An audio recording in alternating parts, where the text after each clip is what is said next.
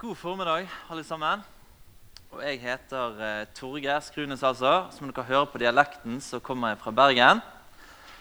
Og der har jeg nå eh, kommet ned eh, fra denne helgen her, og så eh, for å være sammen med dere. Og grunnen til at jeg eh, har blitt invitert ned her, det er nok det at jeg har blitt kjent med Andersen-familien. Og grunnen til at jeg har blitt kjent med dem, det er fordi at jeg har eh, bodd med den ene sønnen, Øystein, i nå flere år, blir det etter hvert. Og vi bor sammen på et bedehus i Bergen. Og der bor meg og min kone og nå vår lille gutt på 14 måneder i en vaktmesterleilighet. Og så i etasjen over så er det ti studenthybler. Og en av de som har bodd der lengst, det er Øystein. Og, eh, og så i år så bor òg Anders der, Vestre. Og så har òg Martin Espedal bodd der et år før han ble gift i, ja, for et par år siden. Så sånn har jeg liksom fått kontakt med, med Ålgård, Andersen-familien. Og så er det da Målfrid og Roald som har lurt på om det var noen muligheter å, å få, at jeg kunne komme ned og, og tale her på Ålgård. Og nå er det sånn at Jeg har jobbet fulltid og deltid i Indremisjonsforbundet siden jeg gikk på Bildøy for en del år siden. Jeg bodde syv år på Sørlandet, og bodde, det meste av de bodde jeg i en liten bygd som heter Eiken i Vest-Agder. Og Der traff jeg min kone, eh, og det er nok der jeg ender opp òg til slutt. Etter noen år. Hun holder på å fullføre noen studier i Bergen. Og så blir det nok der da etter hvert, sånn som jeg, det høres ut på hun, da. kan man si. Men jeg trivdes veldig godt der, og da jobbet jeg som ungdomsarbeider på bedehuset en del år. Og så var jeg omreisende forkynner på Sørlandet. Og så jobbet jeg også de siste årene som sånn eh, kretsleder med ansvar for arbeidet der nede. Og så flyttet vi til Bergen, og da syns jeg jeg gjorde noe veldig lurt. For jeg begynte på et studie som var halvparten av lengden på det hun begynte på. Så jeg begynte på sosionomstudiet, tenkte jeg skulle benytte anledningen når først hun skulle studere. Og så ble jeg ferdig med det for lenge siden, føles det ut som, og hun holder på fortsatt og studerer. Og så jobber jeg for det meste nå egentlig innenfor rusfeltet i en bydel i Bergen. I noe som heter booppfølging. Så da har vi en del rusavhengige som vi har oppfølging med og er på hjemmebesøk til og prøver å hjelpe. Og så eh, har jeg da en liten stilling da, som leder for dette studentkollektivet på dette bedehuset. Og så er hun òg litt på reis med møter, sånn som dette. Og så eh, er det da I dette bedehuset så har vi fellesskap, da, vi som bor der. Og så disponerer vi jo et helt stort bedehus i eh, fire etasjer. Så eh, Selv om det er jo gammelt, da, men det er i hvert fall god plass der. Og Der får vi boltre oss. Og så har vi sånn på en uke så har vi fast sånn at vi har hver torsdag så har vi felles middag der det er to og to som bytter på å lage det til. Og så har vi bibelgruppe etterpå.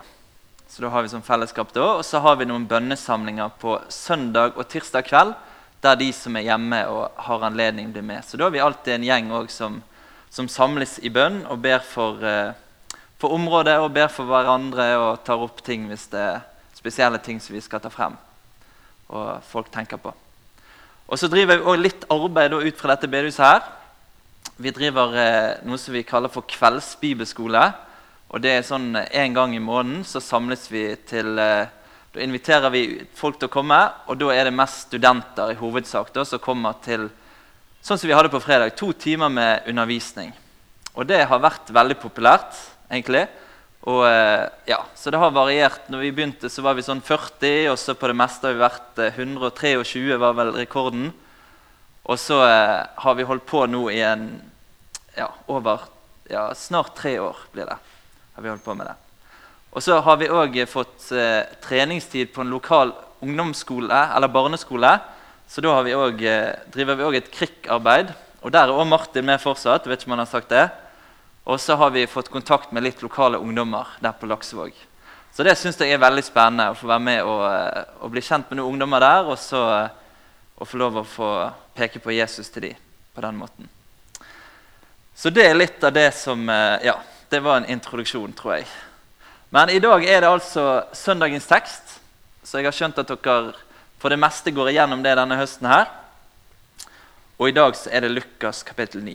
Men før vi begynner på det, så har jeg lyst til å bare be litt. Herre Jesus, takk for muligheten til å komme her til Ålgård og være sammen med ditt folk her. Takk for ditt løfte knyttet til det å være samlet i ditt navn. Da har du sagt at du vil være midt iblant oss. Takk for det vi har fått være sammen om allerede, Herre. Takk at vi har fått feire nattverd. Takk for at vi kan få på en synlig måte sånn motta din usynlige nåde, Herre. Og så takker jeg deg for alle barna som er her. Du ser de er rundt på ulike grupper nå. Må du velsigne de, Herre, og la hver og en av de få, få lære deg å kjenne Jesus.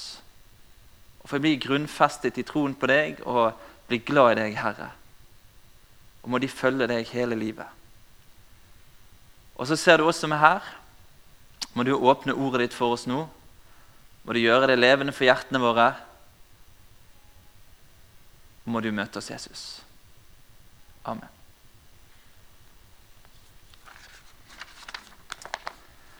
Lukas 9. Og da står det sånn Mens de gikk videre på veien, sa en til ham, Jeg vil følge deg hvor du så går. Jesus sa til ham, Revene har huler, himmelens fugler har reder, men menneskesønnen har ikke det han kan helle sitt hode til. Men til en annen sa han, Følg meg. Han sa, Herre, la meg først få lov til å gå bort og begrave min far. Men Jesus sa til ham, La de døde begrave sine døde. Gå du av sted og forkynn Guds rike. Det var også en annen som sa, Jeg vil følge deg, Herre, men la meg først få lov til å si farvel til dem der hjemme. Men Jesus sa til ham, Ingen som legger hånden sin på plogen og ser seg tilbake, er skikket for Guds rike. Og så, Før vi går inn i det som står her I starten av det første verset vi leste, så står det at 'mens de gikk videre på veien'. Altså, De har vært en plass før. Og Det er litt nyttig her, tror jeg, å se hva sammenheng disse versene står i. Se hva som står litt forut her i kapittelet og i avsnittet rett før.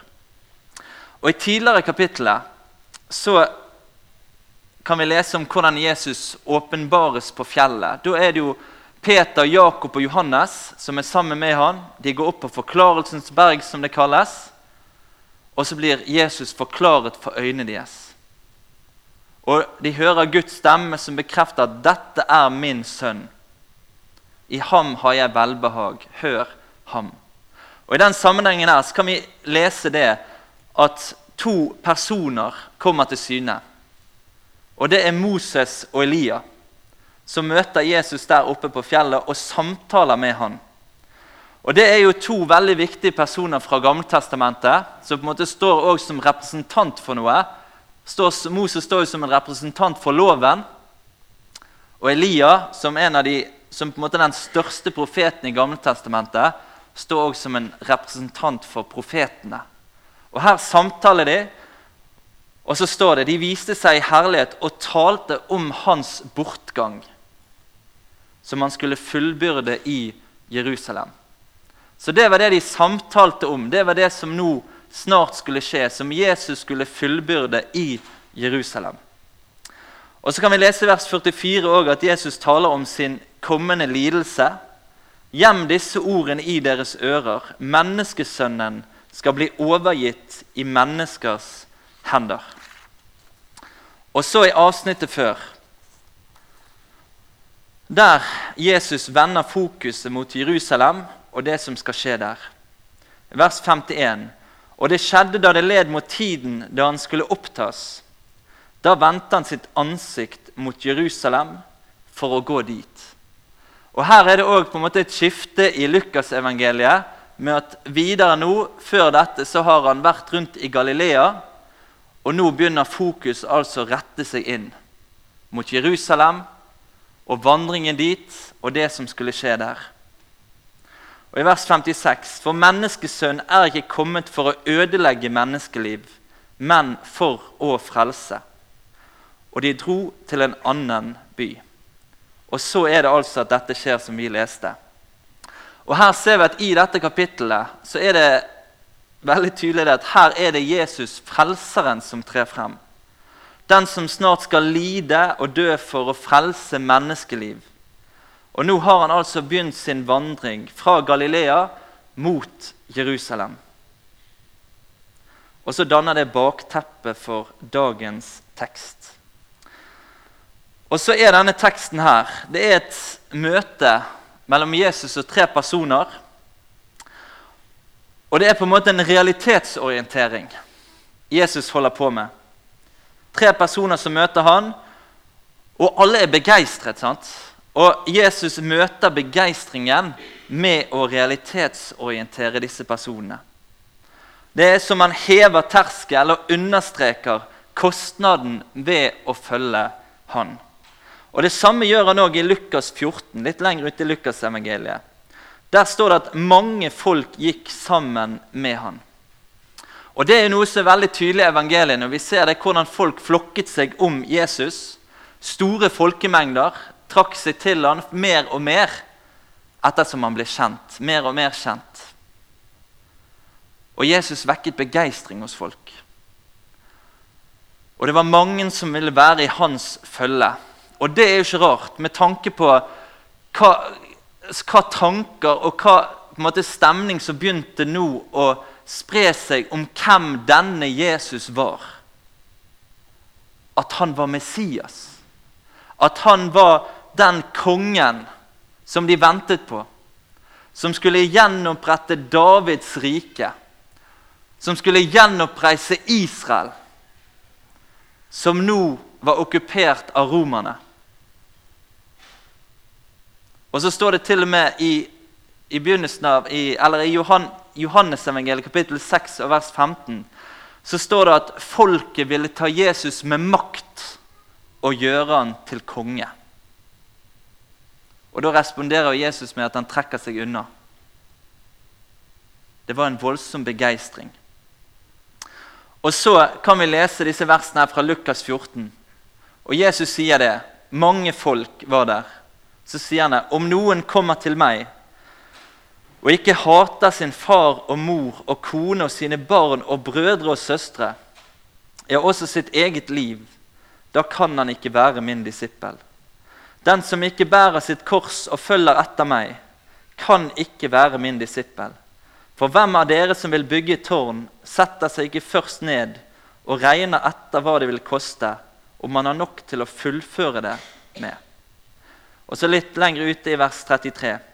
Slik kan, slik kan ingen av dere være min disippel uten at han oppgir alt han eier. Og Når jeg leser disse versene, så tenker jeg at dette er jo utrolig dårlig reklame. Dette her er jo totalt mangel på lokketilbud. Men det er det helt motsatte. Og det legger nok en sterk demper på den begeistringen som var hos mange. Med disse ordene som Jesus sier. Og Vi ser det samme òg i Johannes 6. At Der òg var det mange som var i følge med Jesus. Og Vi kan lese der i forkant av disse versene at Jesus har talt veldig tydelig om hvem han er, og hva han var kommet til jord for å gjøre, og at han var den eneste veien. Det var han de måtte ha med å gjøre. Og så står det det at etter dette trakk mange av disiplene hans seg tilbake og gikk ikke lenger omkring med ham. Så det var responsen hos mange. Jesus sa da til de tolv.: Vil også dere gå bort? Det var altså spørsmålet. Venner seg til sine nærmeste, de tolv, og stiller det spørsmålet Vil også dere gå bort? Og så syns jeg det er et så utrolig flott svar som kommer. Og det er Peter som tar til orde, og så sier han, 'Herre, hvem skal vi gå til?' Du har det evige livs ord, og vi tror og vet at du er Guds hellige. Og det som skjer her, det er at Nå står Jesus igjen med de som har forstått hvem han er, og hva han representerer. Han står igjen med de som står igjen med erkjennelsen. Hvem andre skal vi gå til? Og Jeg vet ikke hvordan det er med deg som sitter her nå i formiddag, men den erkjennelsen der, den har jeg òg kommet til i mitt liv. Og Bakgrunnen for at jeg kom til den erkjennelsen, det er at jeg tror at det er sant. Dette som vi er samlet om i dag. Jeg tror at Jesus er den han sier seg å være. Jeg tror at han er veien, sannheten og livet. Eneste vei til far. Jeg tror at han er Messias, den levende Guds sønn. Og at han taler sant. Og at det fins en himmel og et helvete. Og at han er redningen. At han er redningen. Og at han òg har ordnet med en fullkommen frelse. Og at jeg i troen på Jesus får være i han og stå hellig, feilfri og ulastelig framfor Faderens åsyn, som det står i Bibelen og at i Han som steg ned, han som ble fattig for at vi ved hans fattigdom skulle bli rike Hvem andre skulle jeg gå til enn Jesus?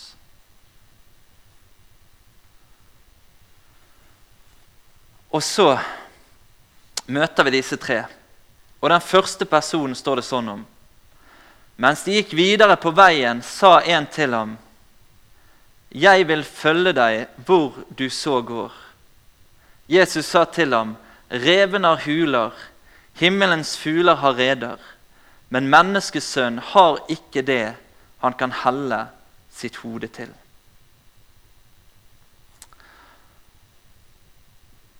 Når Jesus får presentert dette ønsket og løftet om at denne mannen her vil følge han hvor han så skulle gå. Altså Overalt sier han at han vil følge Jesus. Så gjør Jesus han oppmerksom på hva slags følge dette er. Og så understreker han det at han sjøl har ingenting. Jesus har materielt sett ingenting å tilby. Og det å følge han videre nå, det vil føre med seg omkostninger som denne mannen nok ikke har tenkt på. Og generelt ut fra dette her, så tror vi kan si det at det alltid vil være en kostnad knyttet til det å følge Jesus. Og så er det også sånn at Dette er ikke likt fordelt. Men det er sånn at for noen mennesker så koster det mye mer enn for andre. Og det kjenner vi til. Jeg har hørt også at dere her på Ålgård har en som jobber i Åpne dører.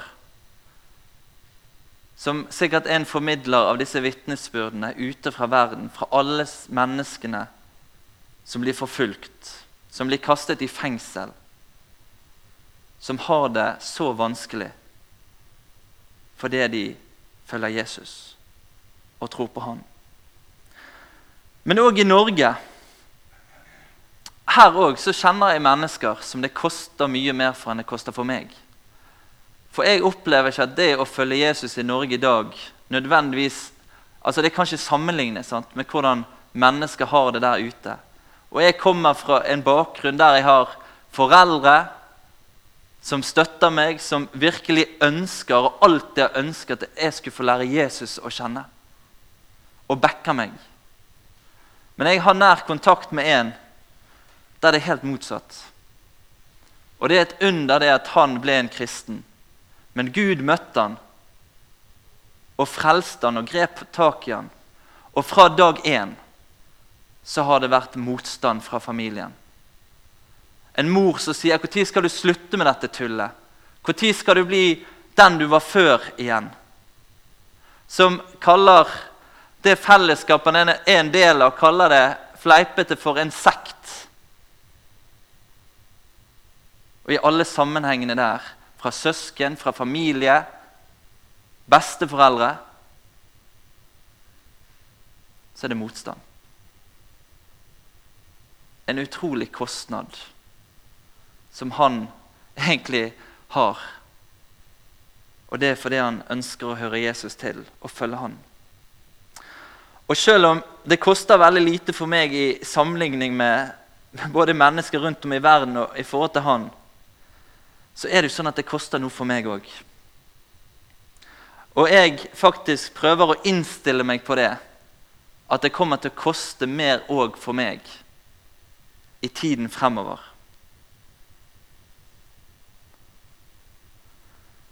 For det tror jeg det vil gjøre òg for oss her i Norge. At vi kan innstille oss på det. At òg i Norge så er det sånn at for den som vil følge Jesus, den som har sin samvittighet bundet til det han har sagt, til Guds ord, der vil det òg bli en større og større kostnad å følge han. Og I 2. Timoteus skriver Paulus det at alle som vil leve gudfryktig i Kristus Jesus. Med andre ord alle som vil følge Herren Jesus Kristus, skal bli forfulgt. Så det er faktisk et løfte faktisk, om at den som vil følge Jesus, den kommer òg til å merke at det har en kostnad. Og så person nummer to. Men en, til en annen sa han, 'Følg meg.' Han sa, 'Herre, la meg først få lov til å gå bort og begrave min far.' Men Jesus sa til ham, 'La de døde begrave sine døde.' 'Gå du av sted og forkynn Guds rike.' Og Igjen så er det jo et underlig svar Jesus gir. Og med tanke på det fjerde bud, at vi skal hedre, hedre din far og din mor så kan vi jo stusse. Hva er det han tenker på? Hva mener han? Det må jo være rett og rimelig og en veldig god ting, det å ære sine foreldre, begrave sin far, på denne måten her. Og kanskje bakgrunnen finner vi i noe som står i 4. Mosebok 19, vers 11 som var den, på en måte den virkeligheten de levde i, med lov, lovens bud og med forskrifter rundt dette òg, med hvordan de skulle tenke rundt det med sine døde. Den som rører ved en død, ved liket av et menneske, han skal være uren i sju dager. Og da blir det da Med bakgrunn i det så blir det på en måte et svar som sier om syv dager blir jeg med. Og poenget her tror jeg nok er det å poengtere vår tilbøyelighet til det å utsette. Den tilbøyeligheten vi mennesker har til det. Og da er det sånn at i Bibelen så heter det alltid 'i dag' om du hører hans røst. I dag. Og når Jesus kaller, så er det et sånn handlingens øyeblikk. Og det gjelder både kallet til frelse og kallet til etterfølgelse. For det er sånn at når Jesus, når Gud får oss i tale dere, Når du merker det at Gud har fått deg i tale, da gjelder det å respondere. Og Sånn er det for den som møter hans kall til frelse. Som merker det at Jesus banker på, som merker det at han er nær, da er det i dag. Ikke i morgen. Ikke når jeg blir gammel. For det har du ingen garanti for at det kallet er der da, på samme måte. Men det er når det er der. Når Jesus er der og kaller, da er anledningen der. Og da skal vi ikke skubbe det vekk. Da skal vi ikke forherde oss, som dette verset sier videre. Da forherd dere ikke. Men da gjelder det for hver og en av oss når Jesus har fått oss i tale. Og det kan jo være han peker på ting, ting som vi skal gjøre opp. Ting som vi skal gjøre opp med andre mennesker. Og da er det jo sånn at vi har veldig lett for skubbe det foran oss. Og så blir ofte resultatet av det at da blir på en måte hjertet kaldere og kaldere i forhold til det. Og så blir det ikke noe. Men når han møter oss på den måten, så er det et sånn handlingens øyeblikk. Da er det respons som gjelder. Og så den siste personen. Og der står det Det var også en annen som sa, 'Jeg vil følge deg, Herre.' Men la meg først få lov til å si farvel til dem der hjemme. Men Jesus sa til ham, 'Ingen som legger hånden sin på plogen og ser seg tilbake, er skikket for Guds rike.' Denne mannen han kommer med et 'jeg vil', men et forbehold. Og igjen så syns jeg han får et utrolig hardt svar. Sant? Det er utgangspunktet. Et hardt svar. Ingen som legger hånden sin på plogen og ser seg tilbake, er skikket for Guds rike. Og Da tar altså Jesus frem dette bildet sant, med det å legge hånden på plogen. Og Hva er det da som gjelder? Jo, da gjelder det å være konsentrert om det man holder på med. Da gjelder det å ha fokus fremover. Ellers går du ut av kurs. Hvis du ser alle mulige andre veier, så kan plogen velte og ligne. Men i det bildet så ligger det da er det fremover som gjelder. Og Det er liksom det at Jesu ord her understreker et oppbrudd. Det understreker det å legge noe bak seg. Og Der står det et flott vers om det i Filippabrevet 3. At jeg glemmer det som ligger bak, og strekker meg ut etter det som er foran. Og jager mot målet, til den seiersprisen som Gud har kalt oss til der ovenfra, i Kristus Jesus. Og Det syns jeg er et flott, utrolig flott vers som akkurat det.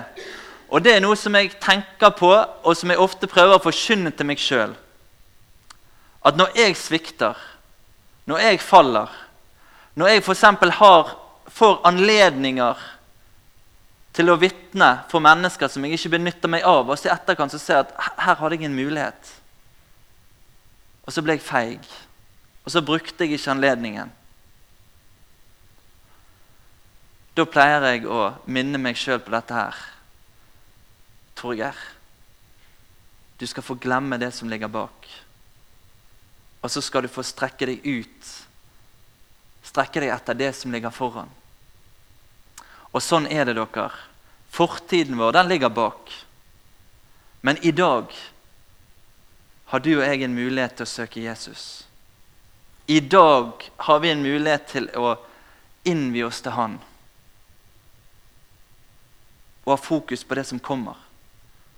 Og så er det ofte en bønn for meg. Herre, når anledningen kommer igjen, når neste mulighet kommer, må du gi meg frimodighet til å få si noe om deg. Og så lar jeg ikke det som, dveler jeg ikke med det som har vært, men så skal jeg på Guds ord få lov å rette fokus fremover. Og Det er jo sånn det er med formaningene i Bibelen. De har alltid det som fokus i dag. Da er det ikke sånn bakoverperspektiv, men da er det i dag. I dag har du en mulighet til å følge Jesus. I dag har du en mulighet til å følge ham og søke ham. Og så ligger det òg i dette her, og det ligger også i det de versene der fra Filipperbrevet, det å se fremover. Med blikket festet på Jesus, han som er troens opphavsmann og fullender. Og med blikket festet der, så når vi frem til målet. Til seiersprisen som venter. Til den evige herligheten sammen med Han. Der vi skal få se Han sånn som Han er. Der vi skal bli forvandlet og bli Han lik, står det der vi for alltid skal være sammen med Herren. Og så et siste. Hva taler dette til oss i dag? Og Nå har jeg vært inne på det viktig, men en oppsummering. For jeg opplever dette taler til oss viktigheten av å respondere på kallet når Jesus kaller. Når Jesus får oss i tale, respondere.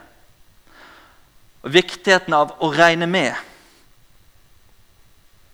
at det alltid vil koste noe å følge Jesus. Viktigheten av å løfte blikket og se fremover og ha fokus på det evige. Og ha fokus på Han og minne hverandre om at vi som hører Jesus til, vi er på gjennomreise og på hjemreis. Vi er utlendinger i denne verden, sier Bibelen. For vi har et hjemland der fremme. Og det er der vi er på vei. Og viktigheten av at Jesus kaller oss til å sette Han først. Og Det er jo på en måte det òg som trer frem her. Og disse harde ordene, på en måte, tøffe ordene fra Jesus, så er det jo på en måte det han vil ha frem. At andre ting, og viktige, ikke skal komme i veien for det viktigste. Og det er det å følge Han. Og det er det å nå målet. Å få være med. Å virke for Han. Å være med og få være noe for Han så lenge vi er på gjennomreis. Herre Jesus.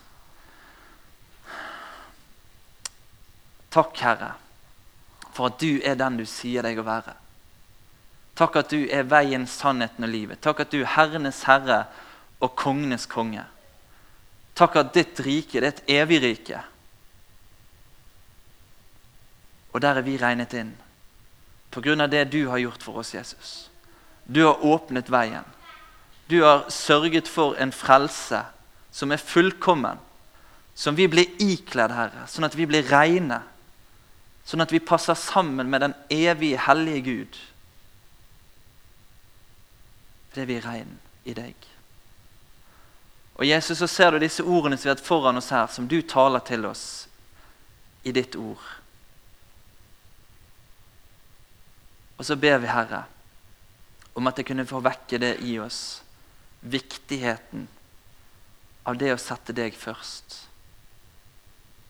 At det er du som har kjøpt oss med ditt blod, at du òg må få være herre i våre liv. At du må få lede oss, Jesus. At du må få feste våre blikk på deg,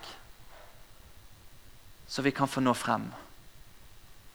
Og så vi kan få lov å være et redskap for deg, Jesus, mens vi er på hjemreis.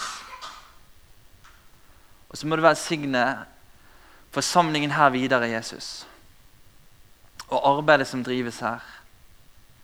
Og så ber vi Herre om at du må møte stadig nye mennesker her på Ålgård og at du stadig kan møte ditt folk, Herre, til fornyelse. Og at du må utruste dem, Jesus. Løs ut nådegaver iblant dem. Og at du kan skape begeistring i hjertene og en lovprisning til deg. Det ber jeg for ditt navns skyld. Amen.